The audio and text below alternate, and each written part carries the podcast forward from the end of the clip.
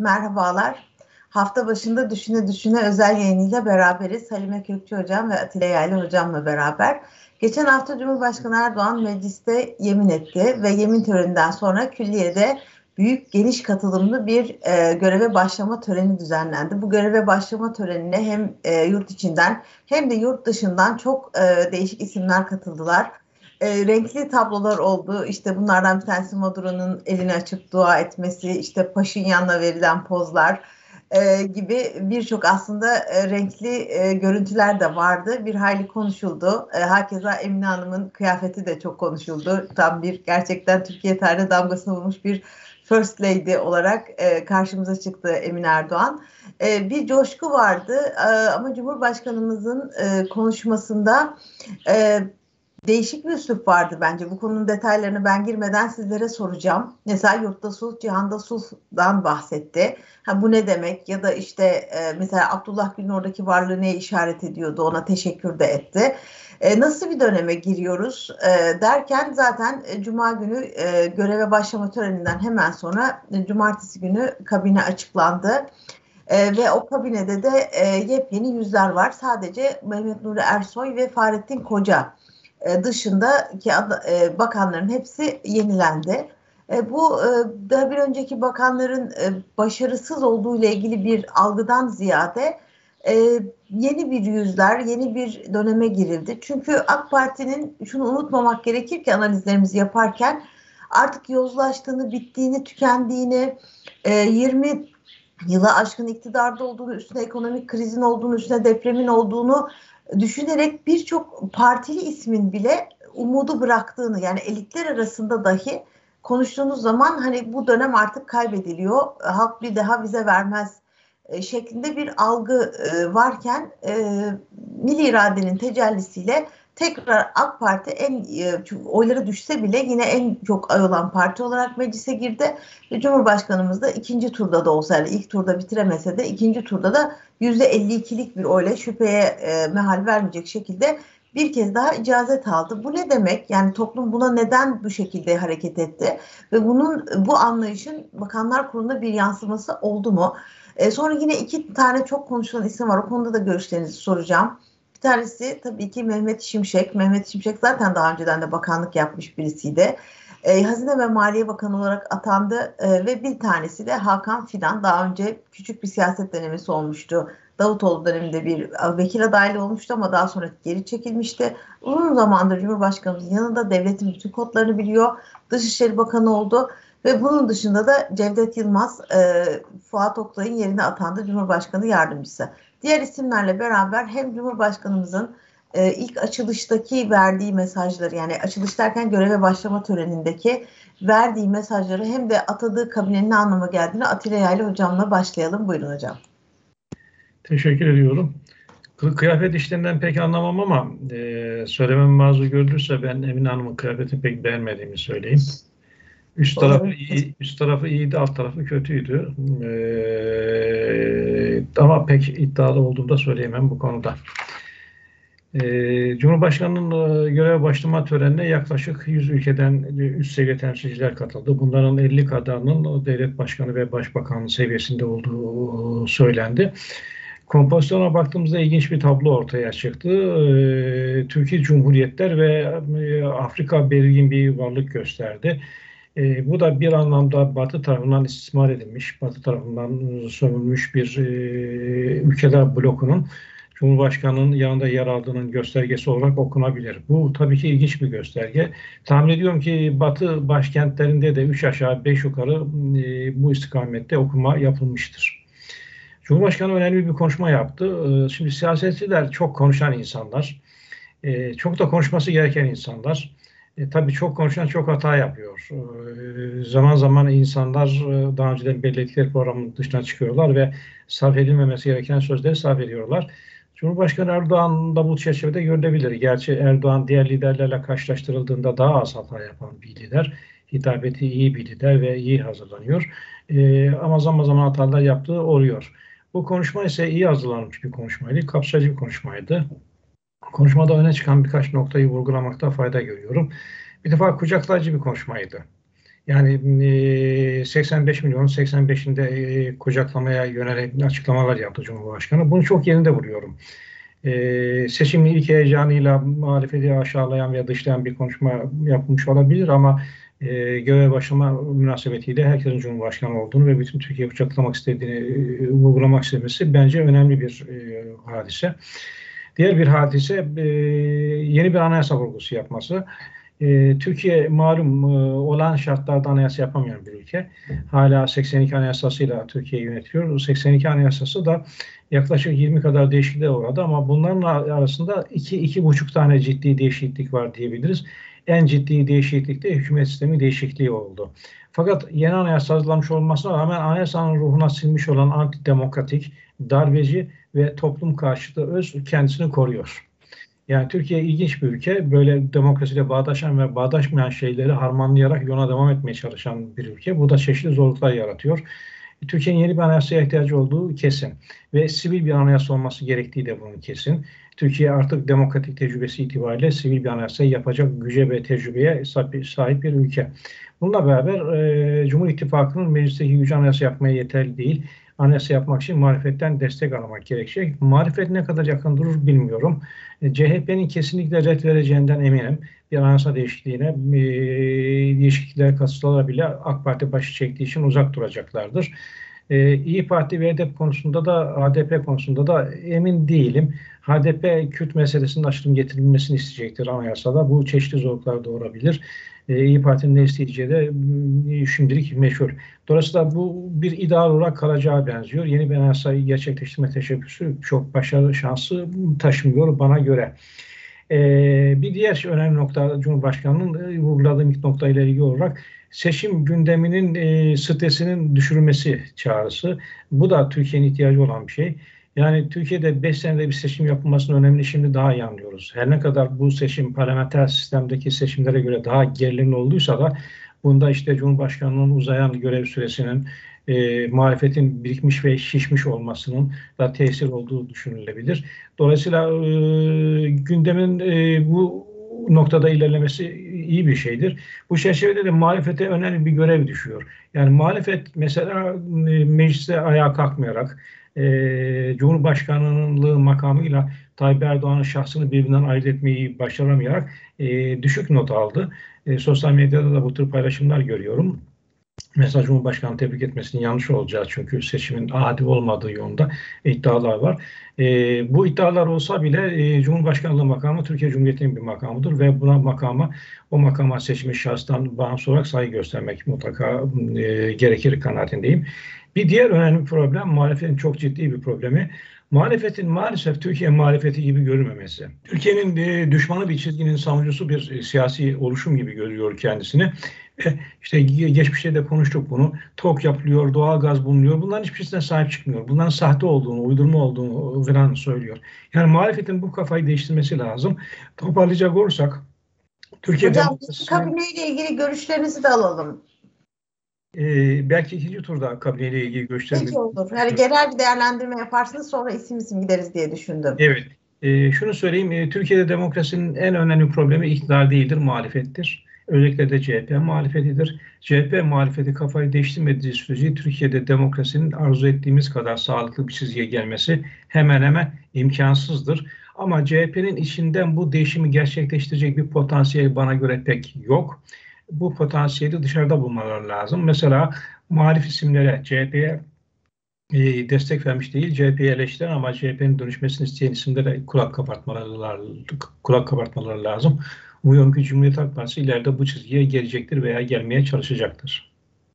Evet, çok teşekkür ederim hocam.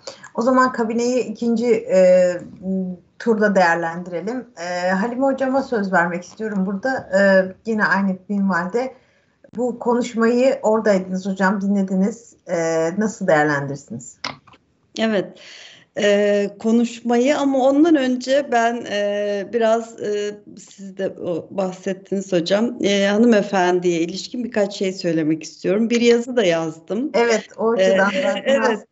Şimdi e, Meryem hocam hani sen de ben de e, Cumhurbaşkanımızın seyahatleri e, dolayısıyla ve zaman zaman da hanımefendinin müstakil e, çalışmalarını takip etmiş gazeteciler olarak e, bir fikir sahibiyiz hanımefendinin o yumuşak diplomasideki aldığı e, pozisyona e, diyebilirim. Ben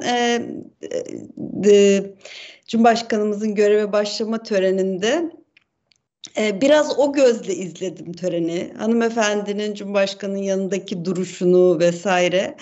Ee, yani çok uzun süredir e, Cumhurbaşkanı'na eşlik ediyor ee, ve bu işte Cumhurbaşkanı'nın işte Başbakanlığı ve Cumhurbaşkanlığıyla da sınırlı değil aslında. Ta teşkilat çalışmalarından itibaren.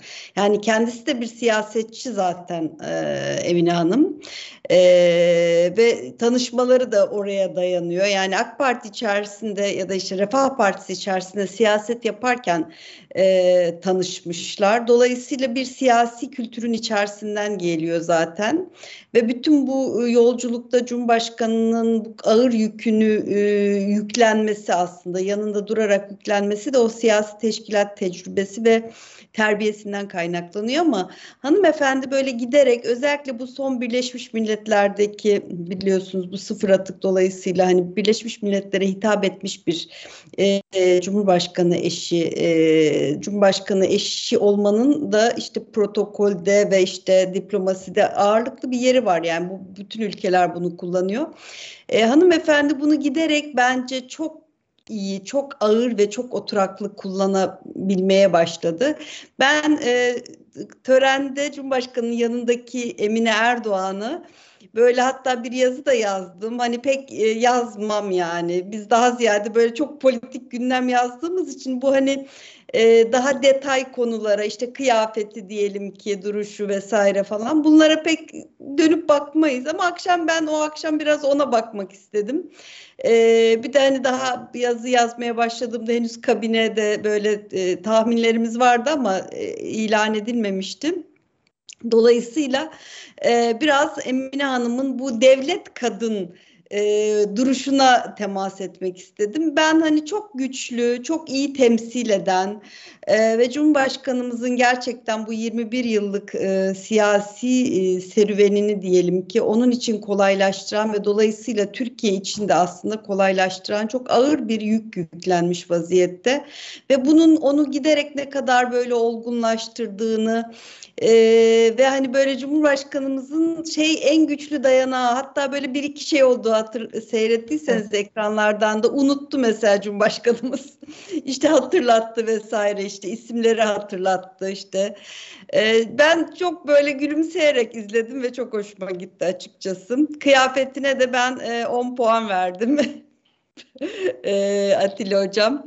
E, çok şık buldum açıkçası e, törenin de şeyine uygun bir şekilde. Şimdi bir diğer hususa geçelim. Tabii Cumhurbaşkanımızın konuşmasıyla ilgili Atilla Hoca e, söylenmesi gerekenleri söyledi. E, hatırlayacaksanız şeyden sonra da hani ilk turdan sonra da Cumhurbaşkanımız bir konuşma yaptı e, şeye geçerek Ankara'ya geçerek o konuşması da çok şeydi yani çok iyi bir konuşmaydı. Ee, diğer işte muhalefet cenahı daha e, oyların yüzde otuzu açılmışken e, galibiyet ilan ederken e, Cumhurbaşkanı'nın tavrı hani seçimin e, kendini seçimin galibi ilan etmeden e, halkın vereceği kararı son neticesini bekleyeceklerini ifade eden çok hani vakur e, ve hani toplumun e, şeyini de alan e, bir anlamda hani böyle gazını da alan bir konuşmaydı. E, sonra işte külliyede yaptığı konuşma biraz eleştirildi biliyorsunuz. Ee, işte hani bir mutat balkon konuşmasının dışına çıkan bir konuşma gibi algılandı. O da hani şöyle söylendi. Bir tür seçim startı da verdi aslında orada Cumhurbaşkanı. Çünkü 9 ay sonra yerel seçimler var e, birbirine bu kadar hani yakın ve hani hemen bir galibiyet, galibiyetin artından yeniden ödev veren teşkilatına ve kendine ödev veren bir siyasi lider e, konuşması olarak değerlendirildi. Göreve başlama törenini ise ben hem bir e, yeni sistem kendi protokollerini de oluşturuyor. Çünkü malum yani devlette bu teşrifat, protokol önemli şeyler ve Cumhurbaşkanı Erdoğan bunları aslında minimize eden bir e, lider olarak da bence temayüz etti. Çünkü ben daha önce baş, yani önceki Cumhurbaşkanımızda da mesela seyahatlere çıktım. E, onun mesela protokolü çok daha ağırdı. Erdoğan protokolü mümkün mertebe aslında azalttı ama yine de tabii ki yeni sistem kendi e, protokolünü de oluşturuyor. Yani işte karşılama törenler, işte kabul törenleri, efendim göreve başlama törenleri. E, bu göreve başlama töreni de aslında e, 2018'dekinden birazcık daha belki farklı. İkinci kez çünkü yeni sistemde bir cumhurbaşkanı göreve başlıyor. Dolayısıyla onun da bir şeyini görmüş olduk aslında. Ee, yavaş yavaş oturduğunu görmüş olduk. O katılım bence de çok önemliydi ve hani Atilla Hocam sizin vurgunuz gerçekten istismar edilmiş, sömürülmüş e, ülkeler e, Cumhurbaşkanı ve Türkiye'nin yanında saf tutuyor. Birleşmiş Milletler'deki oylamada da hatırlarsanız aynı şey olmuş. Yani Türkiye'nin ön ayak sorayım. Yani bu anayasa meselesinde Atilla Hoca umutsuzum dedi. Yani birazcık da tabii rakamlarla da ilgili bu ama e, şimdi gerçekten millette bir irade bir ehliyet verdi. Hani ama bu anayasa artık e, yani bir şekilde bölük pörçük e, 74'ten fazla et, eklemesi var içinde. Yani artık bu sefer bu dönemde bir anayasa değişikliği ki Cumhurbaşkanı bu diye getirdi. Olur mu? Bekler misiniz? Şimdi e, şöyle hani anayasa yapmanın bir takım işte e, matematiksel şeyleri var malum. Şu anda AK Parti grubu ve işte Cumhur İttifakı'nın e, aldığı sandalye sayısı bunu tek başına meclisten geçirmesine imkan vermiyor. Yani meclisten geçireceksin sonra işte bir referandum süreci oluyor. Bu hani olmayabilir ama genelde bizde teamül mutlaka referanduma götürme yönünde. Dolayısıyla hani tek başına e, böyle bir şeye yani kalkışabilir ama neticelendirip neticelendiremeyeceğini bilemiyoruz. Dolayısıyla e, diğer muhalefet partilerinin de buna sıcak bakması lazım.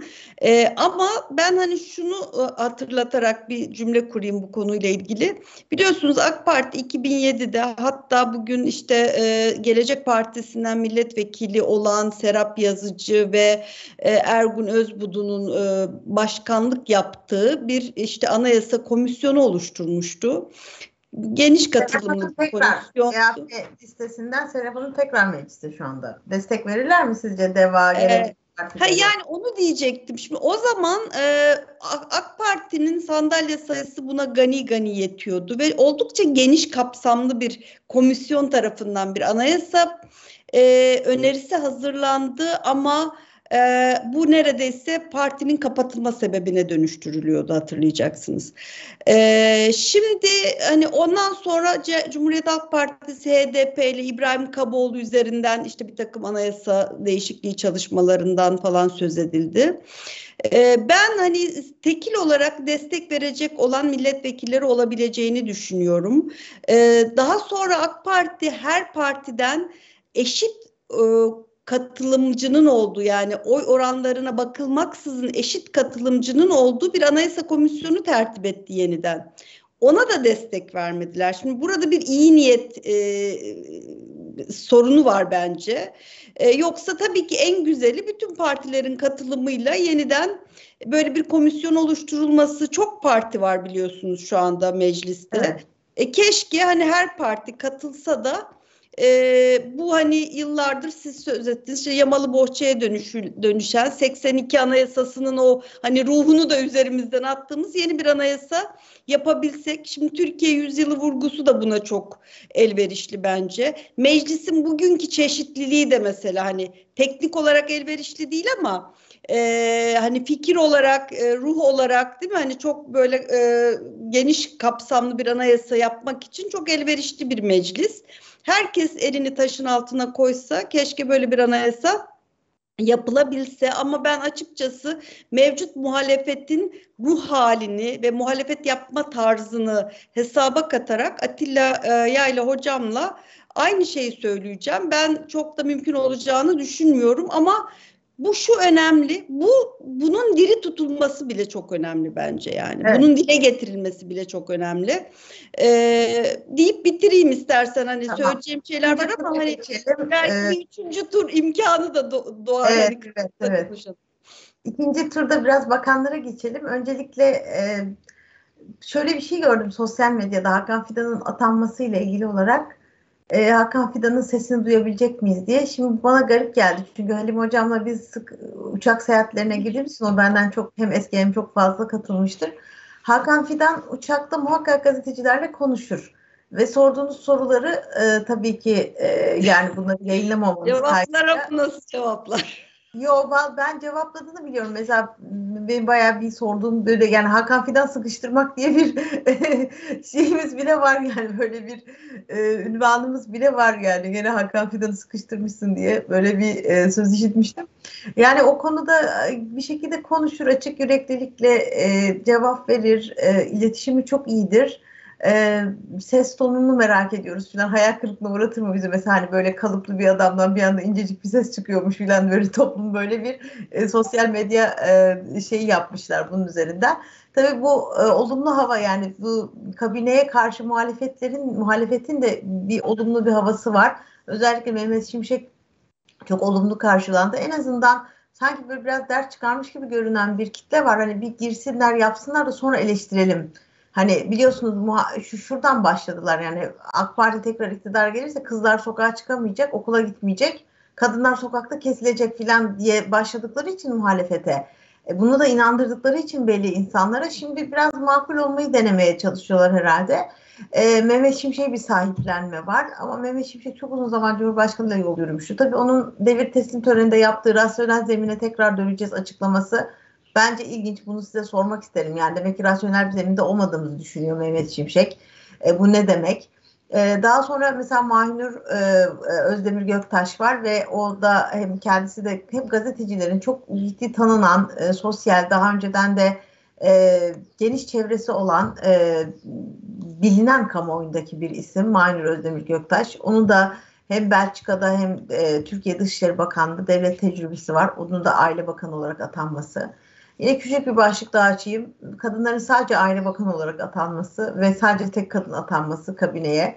Bence bu bizim aşamadığımız bir e, durum. E, ve belki de buradaki e, bazı daha önceki mesela Ruhsar Pekcan gibi figürlerin başarısızlığıyla ilgili de yani belki kadınların da iyi seçilemediğini yani seçilen kadınların da belli klikler üzerinden seçildiğini e, söylemem söylemem gerekebilir. Artık bu bizim AK Parti'den bir beklentimiz. Yani Türkiye'nin kadınlar olarak daha fazla üst düzey temsil ve görüntü. E, maalesef bu kabinede de olmadı. E, Fahrettin Koca ile Kültür Bakanı'nın devam ettiğini söylemiştik ama Kültür Bakanı ve Turizm Bakanı e, olarak bir arada olduğu için e, turizm meselesinin burada çok öne çıktığını ve kültür meselesinin e, son birkaç AK Parti hükümetinde ciddi anlamda bir aslında hamleye dönüştürülmesi gerekirken e, biraz şeyde kaldırdı. Yani mesela AKM'nin yapılması, resim heykel müzesi vesaire bunlar e, devamlılık isteyen, devlette devamlılık gerektiren çok önemli işlerdi. Ama işin bir de kültürel iktidar meselesi var, kültürel hegemonya meselesi var. Bununla daha milli bir anlayışla e, yerine yeni bir şey inşa etme konusunda da çok e, yol alındığını düşünmüyorum. E, yine bu benim e, e, dikkatimi çeken konulardan bir tanesi de e, belki bu konuda yorum yapmak istemezsiniz ama e, ben yapacağım. E, biliyorsunuz siyasette klikler var. Şuna yakın buna yakın diye tabii ki bu kadar uzun bir iktidarın içinde e, no, işin yani iktidarın ve gücün doğası gereği yakınlaşmalar var, uzaklaşmalar var. E, ve gördüğüm kadarıyla yeni kabinede bu tarz bağlantılar, onun adamı, bu klik vesaire gibi şeylere de yer verilmemiş. Yani daha bağlantısız, daha kendi kariyeriyle ortada bulunan bir kısmı zaten daha önce bu işi yapan, işte mesela rektör var atanmış, vali var atanmış. Yani hani e, bulunduğu bir bağlantı veya bir iktidar ilişkileri içinde değil de bir önceki görevinden dolayı bakan yardımcıları var. Onun üzerinden e, gelmiş e, ve daha e, toplumda Hakan Fidan ve Mehmet Şimşek dışında da e, çok fazla ses yani böyle bir sosyal medya gündeminde tartışma oluşturacak bir profil görmüyorum. Mesela Alparslan Bayraktar e, çok başarılı bir Enerji Bakan Yardımcısıydı çok uzun süre. İngilizcesi mükemmel. Mesela her girdiği ortamda irticalen e, uluslararası ortamlarda İngilizce cevap verebilmek. Yani her her konuya böyle bir e, hem konusuna hakim hem dile hakim hem beyefendi hem e, böyle bir e, şey var uzun zamandır aslında 2015'ten beri e, şeyde yani iktidarın içinde bakan yardımcılığı görevinde ama hiçbir zaman adını duymazsınız. Bir skandal içinde değildir.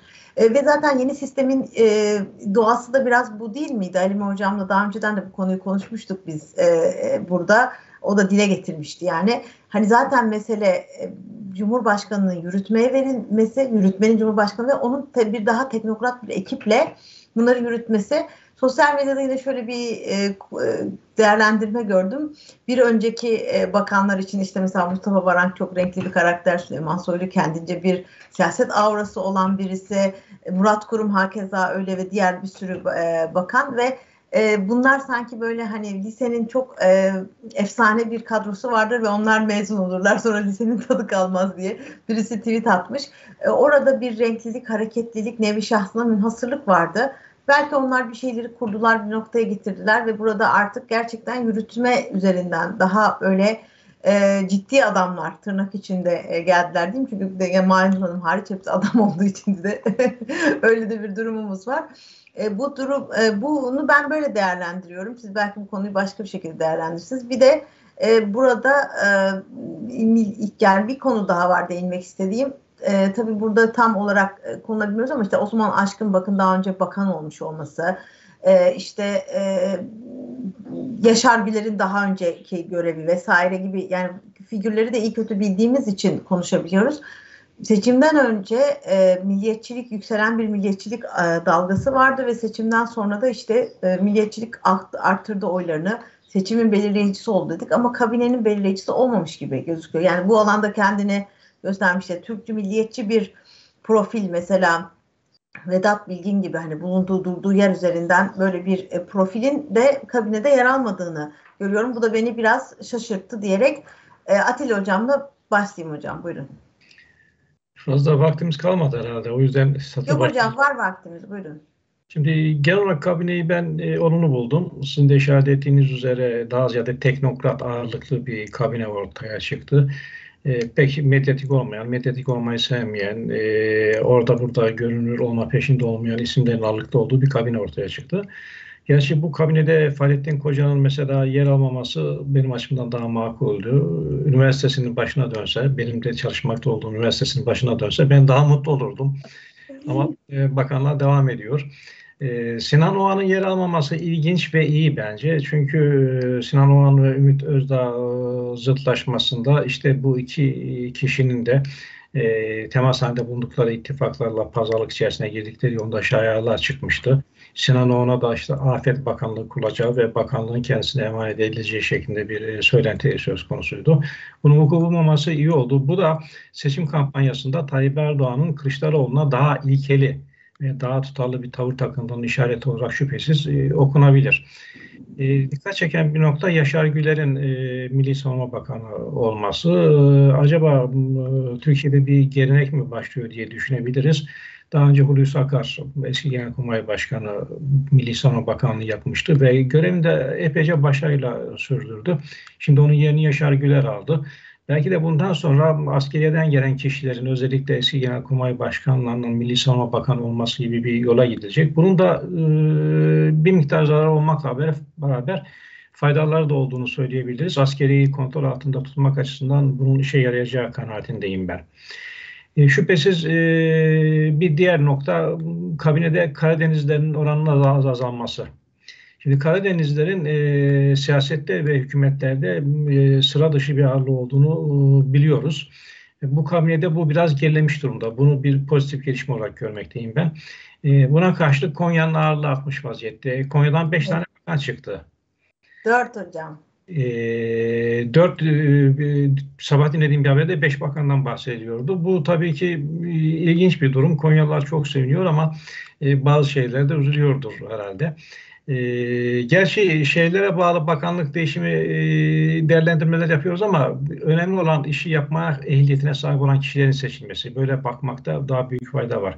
Dolayısıyla bu bir anlamda bir e, muzip bir bakış olarak da görülebilir. İlginç bir nokta e, Mehmet Şimşek'in Maliye Bakanlığı'na getirilmesi oldu.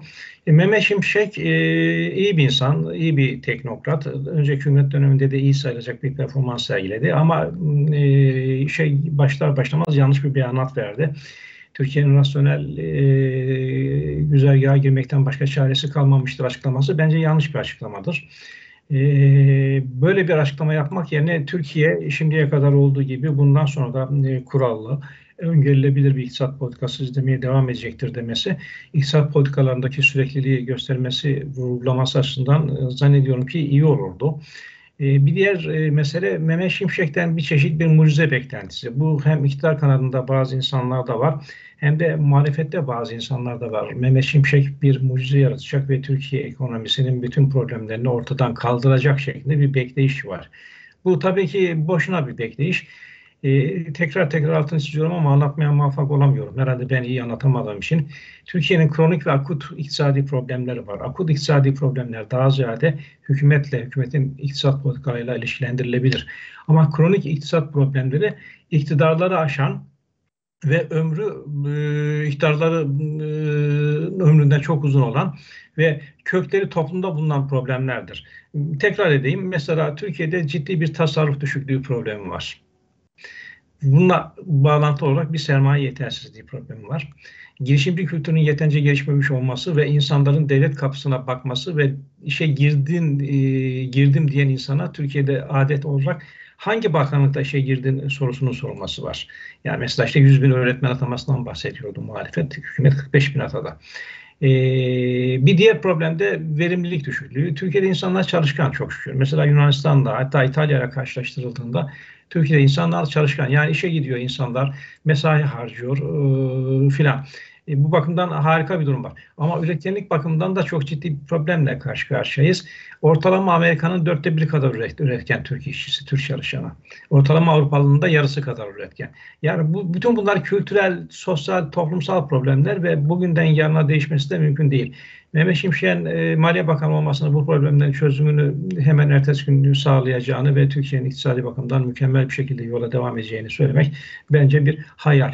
E, bu tabii ki Türkiye'nin aşırı devletçi bir ülke olmasından da kaynaklanıyor ama Mehmet Şimşek'in altını çizdiği bazı noktalar hükümetin şimdiye kadarki politikalarında bir değişiklik gerektiriyor. Mesela mali disiplin, mali disiplini bu hükümet bozmamaya çalıştı, iyi değildi. Ama enflasyon bu mali disiplin, enflasyon ve arkasından gelen seçim bu mali disiplini ister istemez bir zaafa uğrattı. Bir diğer problem kamu istihdamının çok artması arkadaşlar. Yani e, hocam devlet hala Türkiye'de en büyük e, işveren yani durumda. Evet.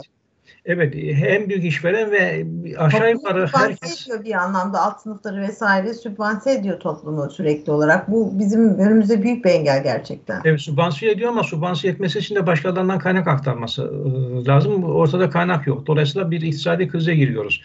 Dolayısıyla e, devletin e, abartılı kamu istihdamından vazgeçmesi lazım. Mehmet Şimşek bunlara cesaret edebilecek mi? Cesaret etse bile izin alacak mı, alamayacak mı bilmiyorum. Önümüzdeki mali seçime kadar belki durumu böyle idare etmeye çalışacaklardır. Ama mali seçimlerden sonra Türkiye'nin ciddi bir şekilde kamu istihdamını azaltma, mali disiplini sağlama, para basmaktan vazgeçme gibi tedbirler alması gerekecek kanaatindeyim. Dolayısıyla seçime kadar Mehmet Şimşek'in vaziyeti idare etmeye çalışacağını ama seçimden sonra asıl iktisat politikalarının gündemi gelecek olabileceğini düşünüyorum. Peki hocam teşekkür ederiz. Ee, Ali hocam Ali yani Atilla hocamla pek dedikodu yapamadık. Biraz Ali hocamla dedikodu evet. yaparız belki. Yani şimdi aslında tabii yani Atilla hocam hiç tekil olarak yani. bakanlarla e, yani Atilla hocamla hiç kulis mulis yapılmıyor yani hep teorik hep teorik böyle siyaset hocası gibi olmaz ki hocam biraz böyle e, siyaset hocası çünkü. O sizin işiniz daha ziyade yani gazetecilik yapan arkadaşlar. Bakanlarla ilgili sahip olması beklenir. Tekil olarak söylemek istediğim şeyler de var kuşkusuz. Eski bakanlarla ilgili de. Ben hani bir kısmıyla da siyaset dolayısıyla çalıştığım evet. için e, seninle beraber bir kısmını takip ettiğimiz için aslında konuşmak isteyeceğimiz çok şeyler var. Belki Perşembe günü konuşuruz e, Meryem Hocam. Bugün kifayet etmeyecek öyle anlaşılıyor. Ben şöyle başlayayım evet. bir kere. Ama yani gene bir değerlendirme alalım. Ee... Evet evet aynen. Ee, şimdi e, 28 e, Mayıs'ta e, ikinci tur yapıldı ve bir iki gün sonra resmi sonuçlar açıklandı hemen ve e, resmi sonuçlar açıklandı. Cumhurbaşkanı yeminini yaptı ve e, kabineyi açıkladı. Arada bir gün iki gün mü geçti yani?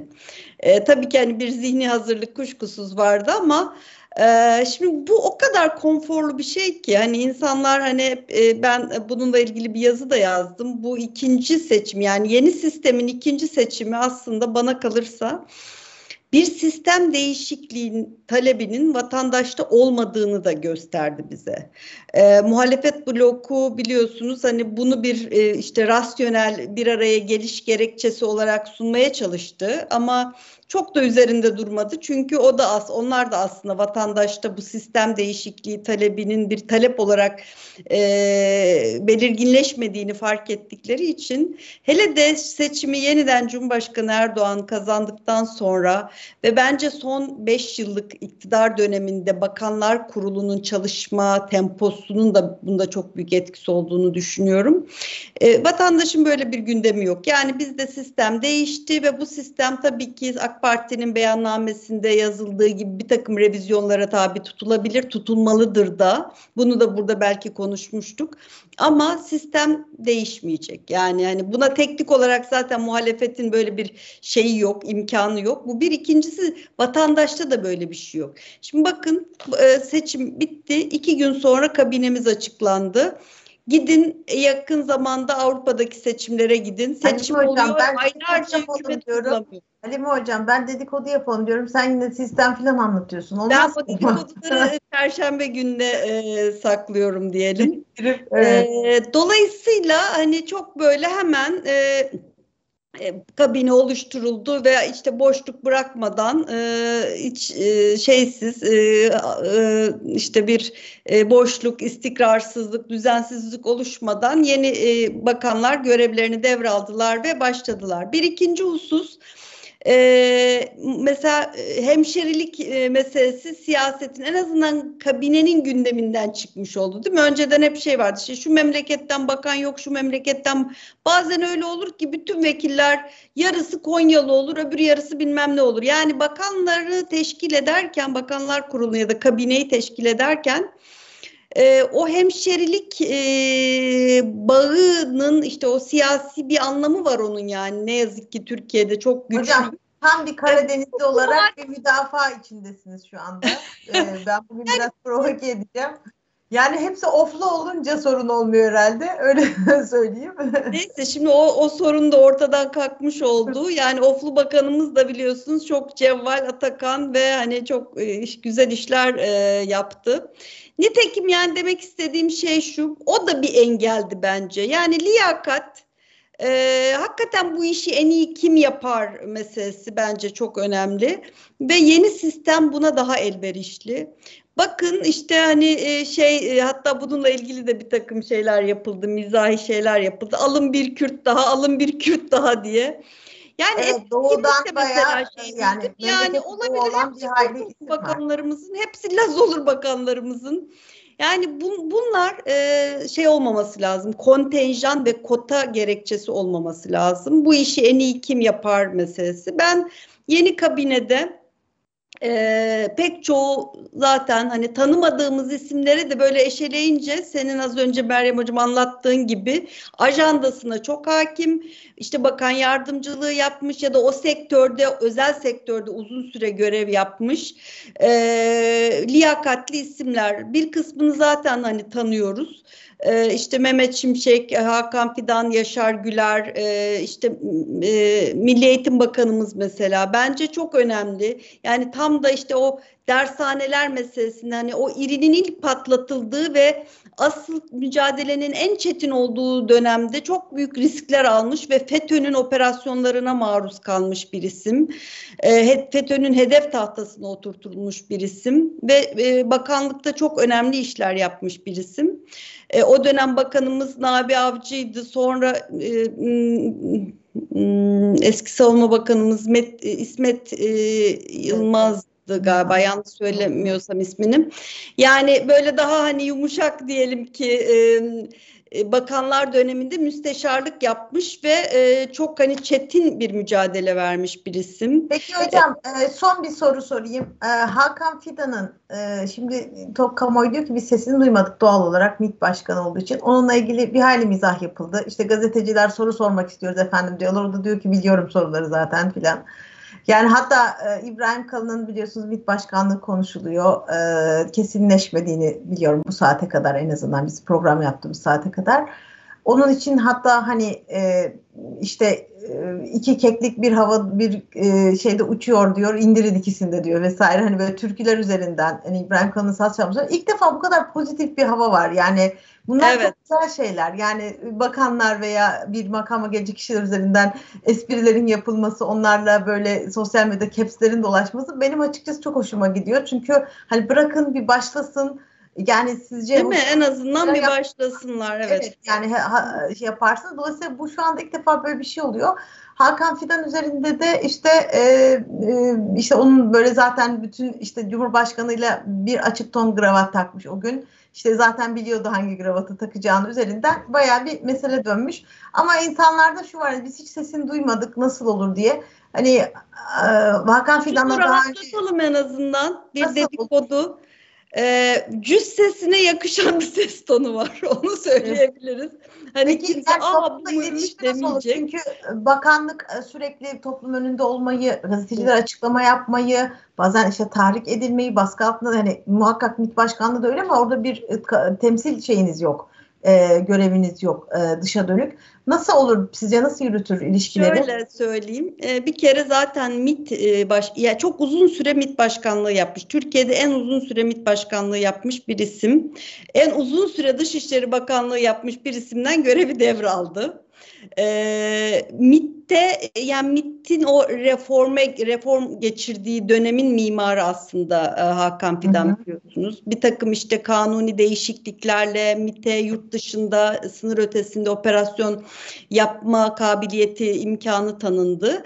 E, ve MIT MIT oldu yani e, adlı adınca MIT oldu Hakan Fidan döneminde ve Hakan Fidan göreve geleceği yani MIT başkanı olarak göreve geleceği ki o zaman müsteşar ünvanıyla göreve geliyorlardı. Göreve geleceği e, şayası çıktığı andan itibaren özellikle İsrail tarafından hedefe oturtulmuş bir isim. Ee, ve FETÖ tarafından tabii ki yani şimdi İran ajanı diye yani düşünün hani MIT'in başına getirilecek olan ismin İran ajanı olduğuna dair bir şaya oluşturuldu e, kamuoyunda.